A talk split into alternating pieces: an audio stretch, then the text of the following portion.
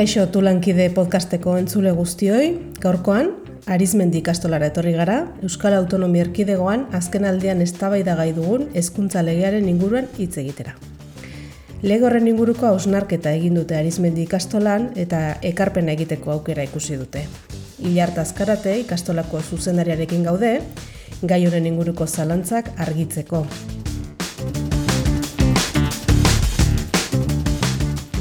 Ongi etorri jat, tulankide podcastera. Zalde hon, eta eskerrik asko. E, esan du sarreran, ez da, ekarpena egina izan duzuela eztabaida honetan guztian, eta horretarako ikastolen eta hezkuntza legearen inguruko ohiko galderak izeneko dokumentu egin duzue. Bertan, Arizmendi ikastolaren hezkuntza komunitatea osatzen duzuen on artean, zein gainerakoen artean, ohiko bihurtu diren hainbat gai bederatzi galderetara ekarri dituzue. Zein helbururekin? Bai, hori da, ezta? Azken eh, aldi honetan, ba, Euskal Autonomia Erkidegoan zirriborratzen ari da Euskuntza Legian inguruan, testu inguru horretan, ba, alderdi politiko, hezkuntza eragile, Euskal Gintzakoak, sindikatu desberdinek, euren posizionamenduak eta e, norbanakoenak zein eragileenak atara dituzte euren posizionamendu eta ikuspegisak, eta horrek, ba, aukera paregabia emunduzku, alde batetik, gure karpena testu inguru honetan zein izen lehiken, gure egiteko zein da, gure kompromisoak zeintzu dien, ba, plazaratzeko eta gure komunitatean e, zabaltzeko bai. Aukera historiko moduan ikusten dugu lege hau, ba, alde batetik publiko pribatu in, e, zatiketa horren inguruan, zatiketa mingarri horren inguruan aurrera pausoak emun lehikelako, zatiketa mingarri horri gainditzeko aukera emuten dauelako, eskola segregazioan gaixai be irten bide bat proposatzeko modua emun lehikelako, eta herri moduan egin beharreko heldutasun ariketa bat dela ulertzen dugu. Kontutan hartu behar dugu, ikamar urtetarako lege bat izan lehikela, aurrekoa izan lehiken bezala, beza izan den bezala, eta hain estrategikoa den ere baten, ba, ekarpen garrantzitsua ingikela uste dugu hezkuntzatik eta ikastolatik, eta horregatik, ba, esan duzun bezala, kontseilu berrektoreak, kontseilu sozialak, zuzendaritzak, basarako erreferenteak e, ikastolakoak parte hartuta, bertako guraso profesional eta kolaboratzaile ezberdinekin, dokumentu batera ekarri ditugu bederatzi galdera ohiko deitu dut zau, askotan gure artean hitz egin izan ditugun bederatzi galdera horrek, eta erantzuna eman, eta dokumentu honetan profesionalei, em, gurasuei, bazkide kolaboratzaile eta komunidadera zabaltzeko helburu okiko dokumentu honetan, laburtu ditugu. Uh e, bueno, baz gaitezen orduan, ez? Dokumentu horre, horrekin lehen galdera eragoaz. Zergatik dira beharrezkoak ikastolak? Bai, hau da galdera garrantzitsu bat, ezta? Azken aldixan, ja badi urte batzuk, ba, ados ez gazen idea batekin aurkitu izan garela askotan. Ikastolen egiteko amaitu dela esaten duen idea horrekin, deredua sortu zanean eta ikastetxe askotara zagaldu zanean deredua. Beraz, zabaltze horrekin ikastolak ez garela beharrezkoak ondorio estatzen duen idea, ba, behin baino geixautan etorri da e, gure belarri xetara, ezta? Guk arbi dauko ikastolen proiektuak onion ba, beharrezko jarraitzen dauela izaten, zergatik ba, ikastola garelako Euskal Herrisa bere osotasunean aitortu eta horren arabera lan itxeko eskuntza, lan itxen dauen eskuntza ere eragile bakarrak, eremu hori lan esparru moduan hartzen dauen erakunde bakarrak, ezta? Euskal Herriko kultura, euskaren gaineko ikuspegi oinarri hartu eta material gintzan jarduten dugu, hortik antolatzen dugu gure hezkuntza jarduna, eta gainera gure saretatik kanpo be e, zabaltzen dugu eta eskaintzen dugu. Hezkuntza sistema propioa lortzeko bidean, garrantzitsua iruditzen jakulako, buka egiten dugun hori, ba, zabaltzia eta beste eragile eta sare batzun eskura guztiak.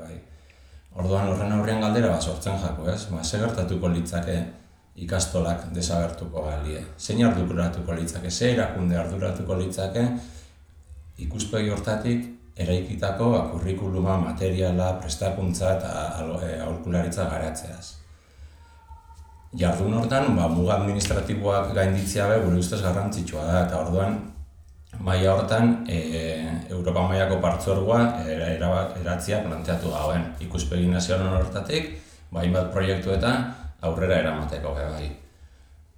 Orduan, e, ondorio bezala, ez da, esan gehike, guretzako Euskarako irak, irakaskuntza da eredua eta hezkuntza Euskalduna ez dira gauza berdina. Euskal Herritxik, Euskal Herrirako eta Euskaraz egindako proposamena da guria. Orduen, desberdina da Euskara soilik izatea edo beste ezaugarri horreik eukitzea be bai. Hala eta garbi dauko, helburu horren bidian, sare desberdinetan, ipar berdinakin, pertsonak, profesionalak, gurasoak lanian ibiliko diela. Eta gure asmoa beti izan da, eta beti izango da, helburu nagusi hori lortzeko bidian, belkar lanian, eta eskuzabaltasunez jardutia. Zilegi dalako, e, ipar eukita, beste batzuk, ba, beste bide batzuk aukeratzea ezta, baina guk gurian horrez esan dago guztiagatik, oindion, e, ikastolek e, epe motzera eta epe luzera ekarpen ondixein leikela uste dugu. Eta zeintzu dira ikastolek gaur egun dituzten indarguniak? Balenik eta behin, osnarketa honetan urten den aspektu garrantzitsua da bokazio publikoa, ez duela uste administrazioan menpeko erakundien monopolioa danik. Guk be, gizarte zerbitzu bokazioari erantzuteko bain bat indargune daukogela uste dugu, ez? Alde batetik, pedagogia berritzailea euskeraz eta euskal herri osoan ez jasotzea nahi dauen orori eskaintzia, ez da? Alegin etengabe egiten dugu ikastoletan pedagogia berriak arakatzen, gurera ekartzen, eta horiek garatzeko tresnak eta baliabideak sortzen. Hori bada gure ustez indargune bat lehen aipatu duten material loien sorrera, sortzen ditugun material loiek be, bai material didaktikoak izan edo argitalpenak izan, eta gainera Euskal Hezkuntza Komunitate osoari eskaintzeko e, bokazioaz eta asmuaz eskaintzia, e, garrantzitsua gala uste du, bai, bide hortan sortu gauen argitaletxea e, propio hori, ez da, ikaselkar, ez dala e, bakarrik ikastolen mugimendurako. Hezkuntza sistema osoarentzako eskuragarri dugu e, materiala bertan gure helburua ez dalako bakarrik ikastoletan eragitea. Hezkuntza sistema osoan eragitea dela uste duelako, ezaugarri horiek e, aurrera eraman da, guk nahi dugun hezkuntza sistema propio hori gertuago modalako. Beste alde batetik profesional egonkorrak izatea, ezta? E, ikastetxen kudaketan, zuzendaritza taldietan, talde profesionaletan eskarmentu daukoen e, talde profesional taldea osatzea be, eta egonkorra dana uste dugu garrantzitsua dela. Eta beste bat bezango nauke, kooperatiba izaera izateak be, ezaugarri garrantzitsu batzuk indargune moduan identifikatzen ditugunak enbuten duzkula. Alde batetik da autonomia, erabakitzeko gaitasuna izate hori, eta gure sentiarazte horretan, kooperatibako kide izate horretan erantzukizuna be bai bi horiek uste dugu erregintzarako ba, funtsezko elementua diela, eta hola nahi tortzen duzko askotan, kanpotik eta etortzen dien eragile ezberdinek, ezta? Orduan, ba, ikastoletan gobernatzeko aukera horrek bai emuten duzku, e, ba, indargune bat, autonomia bat, ikastetxeai bai emuten dutza autonomia bat, bere hezkuntza proiektu aurrera eramateko, eta hori erabakitzeko. Eta azkenik balen esan duten hildotik ikastolan elkartearen bidez Euskal Herri osoan egituratuta egotiak, badakartza berarekin be bai, bain bat eta hainbat elkarlan eta proiektu, zazpierri aldetako ikastolekin batera ingeikenak, egoera zaurgarri izan duzen ikastolak laguntzeko e, erabili geikenak, eta hori bezan manuke badala indargune bat. e, ikastolak berritzaileak e, diala diozu ez? Ba, nik uste dut, kultura berritzailea ikastoletan, eure, ba, gure adenean parte dala, ez da? Azieratik, ezer ezetik asmatu behar izan gauen gure aurretik eto zienek, e, gure guraso eta ito namonek ezer ezetik asmatu behar izan gauen eskuntza euskaldunan kontzeptua bera, antolak eta pedagogia, material gintza, irakaslien prestakuntza, kudeak eta eredu guztia ezer ezetik asmatutakoa izan zen, eta gainera, frogatu inbiarri izan da, kalitatezkoa dela. Ez sortu bakarri, gainera kalitatezkoa dela be, frogatu inbiarri izan da. Eta horrek, nik uste dut, eta guk uste dugu, dokumentu egin duenean, e, ikastoren izaera markatu dauela eta berrikuntzaren zen hori berekin dakarrela ba, ikastola izaerak, ezta? E, orduen, herri honen eraikuntzan dokoen konpromisotik, ba, guretzat eta guretik. Eraikitakoa bakarrik ez, guretzat guretik eta kalitatezkoa be. Izan bidala garbi dauko eta horrek etengabeko berrikuntza beharra dakar hezkuntzan. Eta bestalde batetik, e, kooperatiba izateak, e, gurasuen izateak, langile honek izateak, e, kolaboratzaileanak izateak, jabetza konpartitu horrek e, berakin dakarbe berrikuntzarako berriña. Azkenean familixak be gobernu organoetan dauz, dano gure dugu gure seme alabentzako pedagogia aurreratuenetan eta kalitatezko hezkuntza jasotzeko em, asmo horrekin egiten dugu lan e, gurasu ope bai eta horrek ekartzen dago era etengabeko eragantzukizun ariketa bat eta berrikuntza hor ba, berritzaileak horregatik garela be e, uste dugu. Ikastolak hezkuntza joera eraldatzaileetara eta familian behar izanetara etengabe egon behar die. Jakin badagibulako kalitatezko hezkuntza eskaintza dela ikastolen proiektua erakargarri egiten dauen arrazoietako bat. Eta bide horretan em, jarraitziak ba, ba, ba, enbuten dago indarra hor. E, nola ulertzen duzu arizmendin hezkuntzaren publikotasuna? Ba, hemen lehen esan duten egin zarreran, e, azken urtietan, bat ez belaro eta amairu urtetik ona, egondan lege horrek bai ekarri dau dikotomia bat, eta ba, bai onartu dugu modu baten, edo bai onartu da, edo bai onartzen da gizartean, guk ez dugu onartu, baina igual gizarteko sektore batzutan bai, zerbitzu publikoa bakarrik ematen dauela administrazioaren titularpean dago zen eskuntza e, eragileek. Eta guk uste dugu zerbitzu publikoa guk be ematen dauela.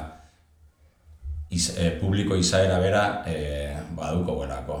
Eta lanian jarraituko dugu zentzu horretan da, e, datorren lege berrixak hori onartzeko. Publikotasun eredura guk aipatzen dugun edo guk definitzen dugun publikotasun eredura legea alik eta gehien hurbildu da dien, bai. Ikastolen bokazioa bai da komunidadiari zerbitzua ematia. Ez zerbitzu publiko termino administrazio publikora bakarrik ez dugu uste mugatu beharko litzakenik. Ikastolen mugimendua moduko herri ekimenak izen zuzenian administrazioaren menpeko edo ez izan, zerbitzu publikoa eskaintzen duela eh, dauela garbi dauko, ez? Alde bat dauko, alde batetik herritarre gobernatzen daudelako, e, ez dauko belako irabazi asmorik, hainbat herri erakunderekin elkarlanean jartuten duelako, ikastolen izaera bera publikoa dela esango gauke. Herritarra, herri onurarako, herri onurako izaerakoa eta gizarte ekimenekoa kasu batzuetan gurasuak die ikastolen jabiak. Beste batzuetan gurien moruen langileak, gurasuak eta kolaboratzaileak. Beste batzuetan elkarte izaera dauki eta badaz gutxi batzu fundazio izaera daukienak bai. Baina sekula ez da norbanakoaren interesetatik ero interesetarako sortua. Dan gure ustez publikotasun kontua ez da jabetza zeinena dan. Baizik eta zei izaera daukon, zer buru daukon, eta hori hor hor sakontza izango zen, ezta? Erakundia bokazio publikoa dago nala ez horrek e, definitu biko lauke. Eta ez da guk asmatutako gauza bat. E, Europan adibidez bada aus publikotasuna ulertzeko modu eta era desberdinak, bai?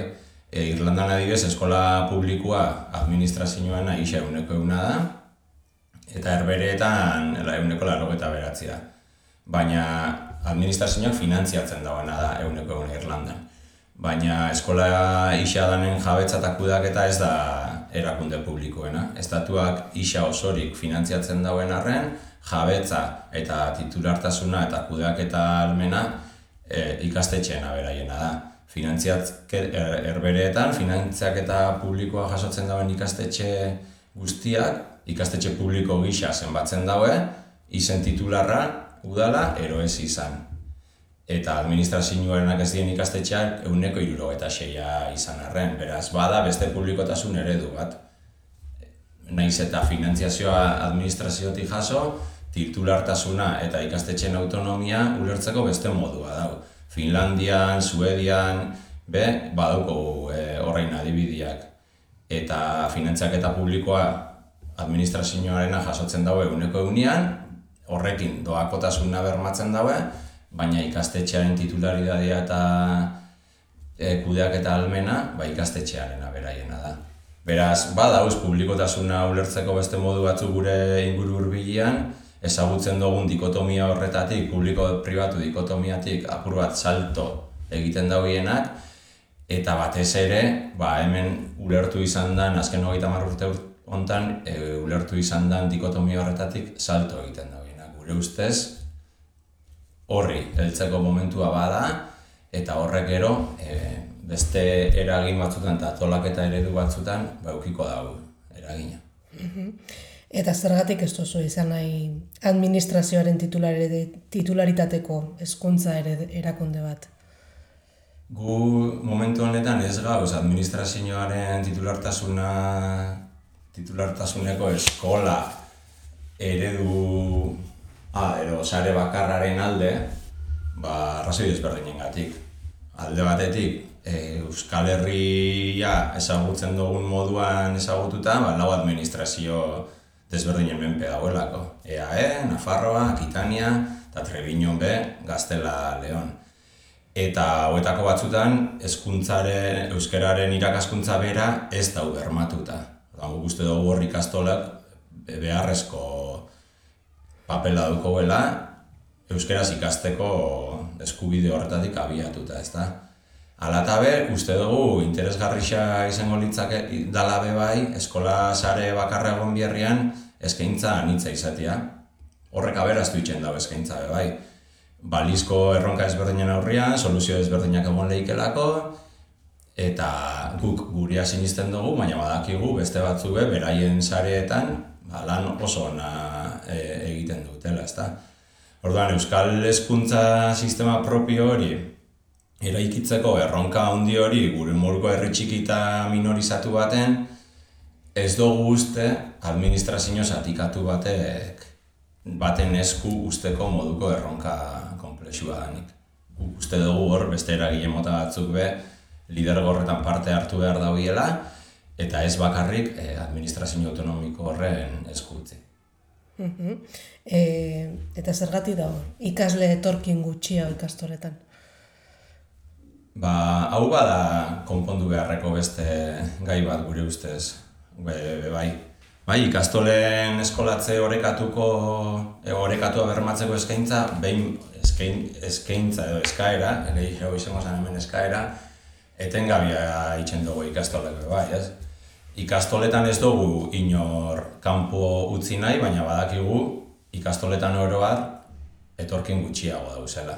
Eta gure ustez, e, ikastoletan ikastoletara e, etorkin gutxiago etort, etortzearen arrazoiak ba, bi, bi, bi esparrutan erokokatuko ditu e, genituen, ez? Bat da ikastolan matrikulatzeko moduan, lehenengo azaldu bida matrikulazio garaian gurasoak umiak ekartzeko matrikulazio garai horretan, apuntatzen dituzten garai horretan, matrikula arrunta deitzen dut horretan, modu baten funtzionatzen dagoela eta gero dagoela matrikula bizia. Epez kanpo, e, ikasturtean zehar, ikastolara datozen e, ikastolara datozen ikasliak, bueno, ikastolara edo herrira datozen ikasliak, eskolatze batzordearen bitartez e, banatzen die, bai? Eta bertan administrazioa kudeatzen dau eta ikastolen elkarteak behin da berriro eskatu harren, gaur gorkoz ez dugu eskolatze batzorde horretan parte hartzeko modurik, ez erabakimenik. Eta eskualdera etorrita adibidez, ba, nabarmena da atxabaltan eta eskoitzan gertatzen jakuna. Atxabaltara atozen si urtetik gorako aurrak, eskola publikora bideratzen die, almen eskoriatzen dagoela argudiatuta. Bera, si urtetik gorako aurrak, kurtze berrira e, bideratzen die.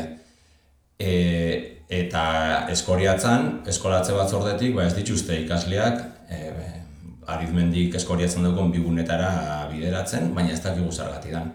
Beraz, gure eragin ere mutik kanpo dagoen erabaki batzuk die, eskatu dugu ikastolen elkartetik bertan parte hartzea, baina ez, disk, e, e, ez dauko, ez dauko modurik.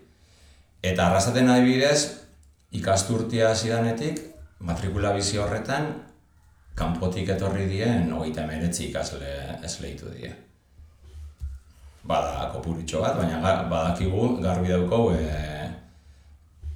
eskola administrazioaren e, eskolan edo eskola publikoa deitzen duen horretan, ba, etorkin kopurua handiagoa dela, ez? Beste alde batetik, jangela, garraioa, ikastoletan ba ordaindu beharra dau. Finantziazio moduak desberdinak die sare publikoan eta gure ikastoletan e, ordainduen behar izaten daue ikastolan egunero e, euro bat baino gehiago e, jangela kostuagatik eta garraioa be familia kartu behar izaten dugu bere gain. Beste alde batetik, e, ikastolei jarri duzkuen pribatu, elitista horrek ez da laguntzen, egoera zaurgarri egon lehiken ikasleak gure gana etortzen informazioa jasotzera badabe. Eta eta hor badauko autokritika bat egin, egin beharra eta bagabiz egiten, aber lan e, lortu gehiken, egoera horretan dauzen e, familiak be, ba, gure gana urbiltzen, guk hori nahi dugulako, ez da. Ala, ala eta be, bai dauko zaitasun ekonomikoak daukien familixekin, euren gaitasunen arabera plan individualak sortzeko aukera eta sortzen die. Eta hau danontzako zabalik daude, bai. Gure administrarixen bitxartez, mekanismo desberdinekin, ordaintzeko zailtasuna daukien ikasliekin eta eta gurasoekin ba, egiten da, bai, olako planifikazio bat, e, bueno, koste horrek batzutan desagertzeraino. Orduen, Badakigu, e, azken urteetan sare publikoa jaso dauela ikasle etorkin kopuru ondixagoa, segregazioa eragin dauela hainbat ikasle ikastetxien artean eta horre bukatzea gure dugu, bukatzea gure dugu egoera horrekin, gurian be nahi ditugu ikasle horiek, gu pres gauz aurrera pausuak emateko eta horregatik hezkuntza legearen baitan doakotasunaren helburua dukon e, puntuekin ba, bat egiten dugu, eta gure ustez bai da garrantzitsua balen esan dutena, ez? Eskolatze batzordean osaketan irizpideak aldatzia eta eta doakotasuna doakotasuna aplikatzen baldin badugu hezkuntza sare desberdinetan etorri beharko da baitxa baliabideen eh, handitze batetik desberdina dalako hezkuntza saiaren titularpean dauzen ikastetxe jasotzen dauen baliabideak, jasotzen dauen baliabideak edo ikastolok jasotzen ditugunak. Orduan, guk uste dugu aukera baten aurrian gauzela, aztertzeko moduko aukera gauzela, eta horrela pausuak emuteko pres gauzor. e, zera zein iritzi dauka arizmendi ikastolak hezkuntza lege berriaren inguruan? Ba, lehenengo eta behin, garbi guztia gure dugu, ea erako eskuntza ere eredua dela dokumentu honetan, ez da? Ez di Euskal Herriko ikastola guztiak, ez dotzi, eh? Euskal Herriko ikastola guztiei eragingo. Baina aldi berian, bai uste dugu, aurrera pauso garrantzitsu bat izan leikela, ba, historikoki antagonikoak izan leikelako izeldien bi errealidadeen arteko sintesi bat izan lehikelako eta mugarri bat e, markau lehikelako.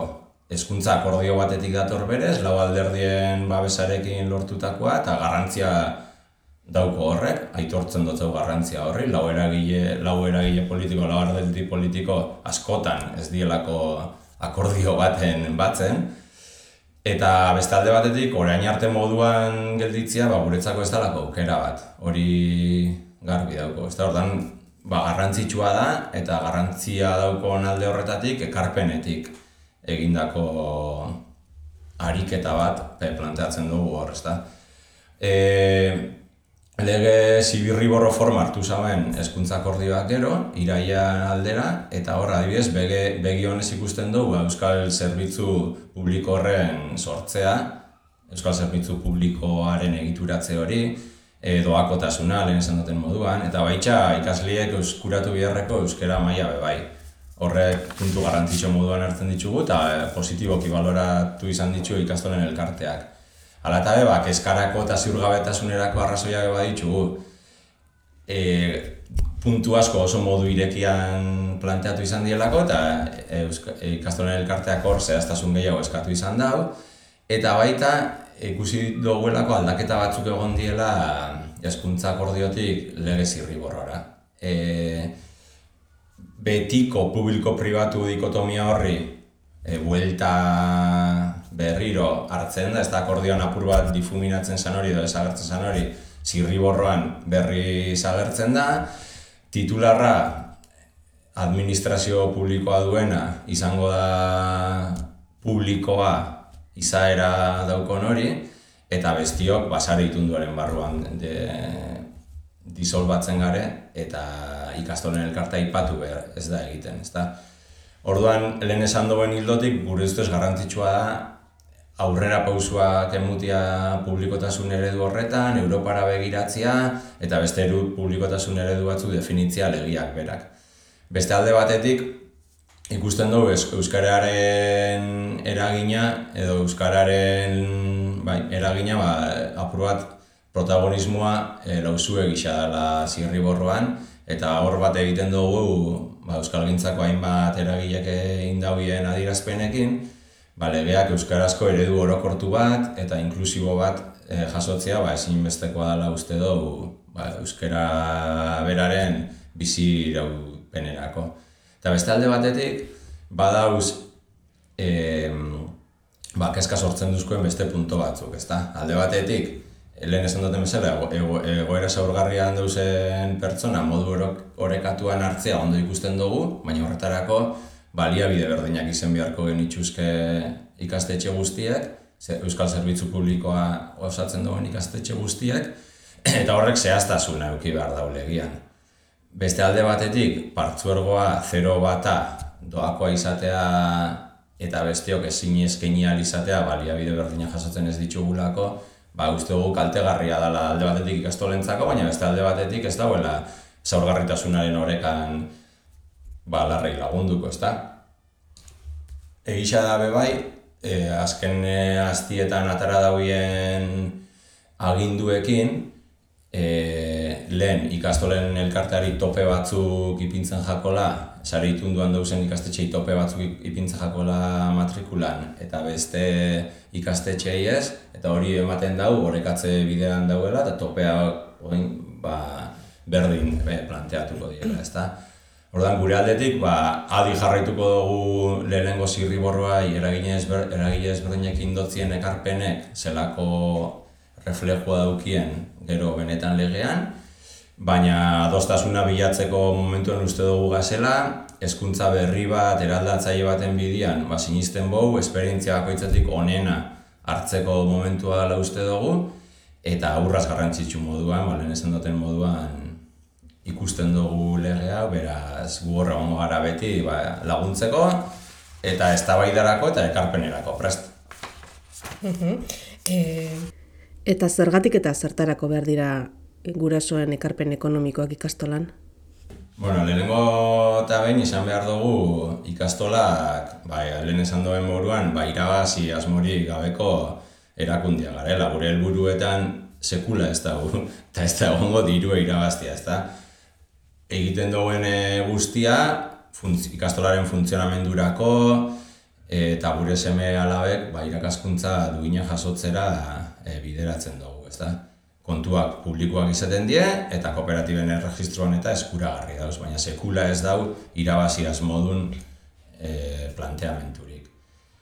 Kontuan hartu behar dugu, administrazioak finantziatzen duzkuna uneko irurogeita mar e, inguruko izango e, izaten dela eskolak emateko sortzen dien gaztuetarako bideratzen dana.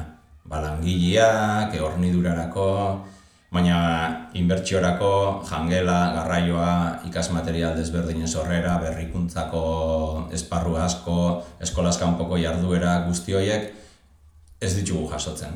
Olako gaztuak e, e, ez dauz finantziatuta, ez da orduan ikastolok ba, gura zuen ekarpenak e, biherri zeten ditugu eta beste alde batetik, ba, eraikinetan obrak egiteko edo birgaitze ezberdinak egiteko, ama be e, eskatu behar izaten ditugu, ezta. egiten kalkulu ezberdinen arabera, Euskal eh, Herriko ikastolen elkarteak bideratutakoak, mila eta larun milioi inguruko finanziazioa dauko administrazioaren titularpean dauko e, osatzen dauen sare eskolek e, daukie urtero, ezta? Eta sare itunduak zazpireun bat milioi. Hor desberdintasuna dau. Funtzionatzeko gero baliabideak eskuratze horretan, ba desberdintasuna, desberdintasuna handi badau. Egisa dabe bai, e, ikastonen elkartak indago kalkuluen arabera, berreunda errogeta hamar, irureun milioikin, ba, lortuko litzakela do, doakotasuna eskaintzia. Eta hori ez hori eskaintzen dago, edo hori arautzen dago e, lege zirriborroaren hogeta malagarren artikuluak. Orduan garbi dauko, administrazioan ekarpenak handitzen joaten baldin badie, ba, gurasuen eta langileen ekarpenak be, ba, txikitzen joango diela. Eta garbi dauko, hau badala, segregazioaren arrazoietako bat, eta autokritika hori egiten dugu, baina eskubide eta baliabide berdinak e, jasotzea ba, garrantzitsua dela uste dugu, gero doakotasun hori be eskaini izateko. Gurasoen ekarpenak alata badauko beste beste eginkizun bat, ezta? Eta da ikastolen arteko e, elkartasun hori bermatzia. Lehen esan duen egoera salgarrian egon ikasto, ikastetxe horrek laguntzeko, elkartasun ikastola zorre e, izeneko kooperatiba baduko sortuta ikastolen elkarteak bai, urtero sortzireun milioa eurotatik gora biltzen dugu kooperatiba horrek, gero e, erabak, asambladan erabakitzen dien ikastola ezberdinei ba, laguntza emateko, ezta? Eta laro gita mabi, milaratzen da laro gita garren urtetik ona, hemen sortzi milioitik gorako banaketa eginda eta uste dugu ikastola askoren biziraupena hortik be bideratu dela. Arizmendi ikastola dago kixonez, bataz beste ikas gurasoek egiten dauen ekarpena hogeita emezortzi, hogeita emeretzi euro ingurutakoa izaten da hilero. Eta salbuespenak salbuespen uste dugu nahi, eskualde honetan banaiko eramangarria izan lehiken e, kopuru bat dala. Eta be, familia zaurgarrientzako ba, eragozpen bada. Eta horren kostiente gara. Orduan, familia zaurgarri horiek, kanpotik e, datozen familia horiekin, ba, plan individualak itxen ditugu danokin, familia bakoitzan egoerara egokituta, eta hainbat kasutan, aurrez aipatu duten bezala, ba, ekarpenik ez egitea beha da. Hori ez da din izan, e, ba, eragozpen bat ba, ikastolara etortzeko. Eta guraso bakarrik ez dabe ekarpena itzen, langileak be itzen dabe. Beste hezkuntza eredu batzukin konparauta eta ba, hainbat ordu gehiago eskaintzen dutzie ikastolari eta horrek emuten duzku e, bueno, eskaintzen dutzau ikastolari eta horrek emuten duzko aukera ba, hainbat eta hainbat berrikuntza proiektu diseinatzeko eta aurrera eramateko eta hori beho garrantzitsua dela uste du. Eh, esan duzu, aipatu dituzu irakasleak ez da, e, zeren arabera aukeratzen dituzu irakasleak ikastoletan? Ba oso garrantzitsua da, gure ustez, e, ikastolen tan e, ikas, e, irakasleen aukerak eta. Eta hori bada indargune bat, hori bada indargune bat. E, Funtsezkoa da irakasleen autarak eta ba, eskuntza proiektuan garapenerako, gure ustez, ezta? Eta horri ba, normalien bi irizpiden arabera egiten dugu, ez? Bat da, ba, horri lotutako, ero irakaskuntza eman behar dauen maiari lotutako gutxinezko titulazio izatea, baina beste bada bai, e, pertsona egokiak izatea, bokazio dunak, ikastolan proiektuarekin bate egiten dauenak, e, hori beguruztez garrantzitsua da. Garrantzia dauko profesionalen egonkortasunak, lehen esan duten moruan, eta uste dugu hezkuntza proiektuan arrakastan gakuetako bat bai dala egunero lanian duten profesionalen ba, egonkortasuna, ezta.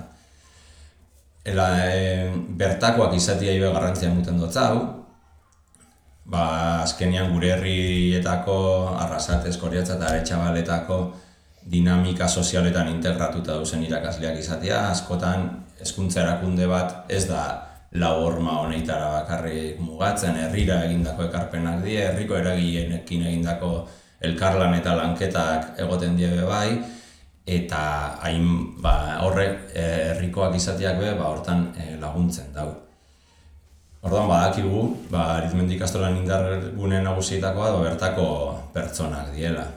Bai e, gaitasun pedagogikoai dagokizonez, baina baitza ikastolara, eskastola eskaintzen dutzien kompromiso ba ondixan gaitxik bai. Ba, oso ondo jart. Ba, mila mila esker. Ah, zuei. Tu lankideko podcast, honetan parte hartzeagatik eta hurrengo arte. Bai. E, esatia bakarrik, hemen egin duena dokumentuen laburpentsoa da, Hori da, dokumentu idatzi xa profesionalei, gurasuei eta bazkide kolaboratzaileei banatuko jake, baina norbaitek eskuratzea gulden badu, ba, ba, gana zuzentzia besterik ez dauko. Ondo. Ba, eskerrik asko zuei. Bai.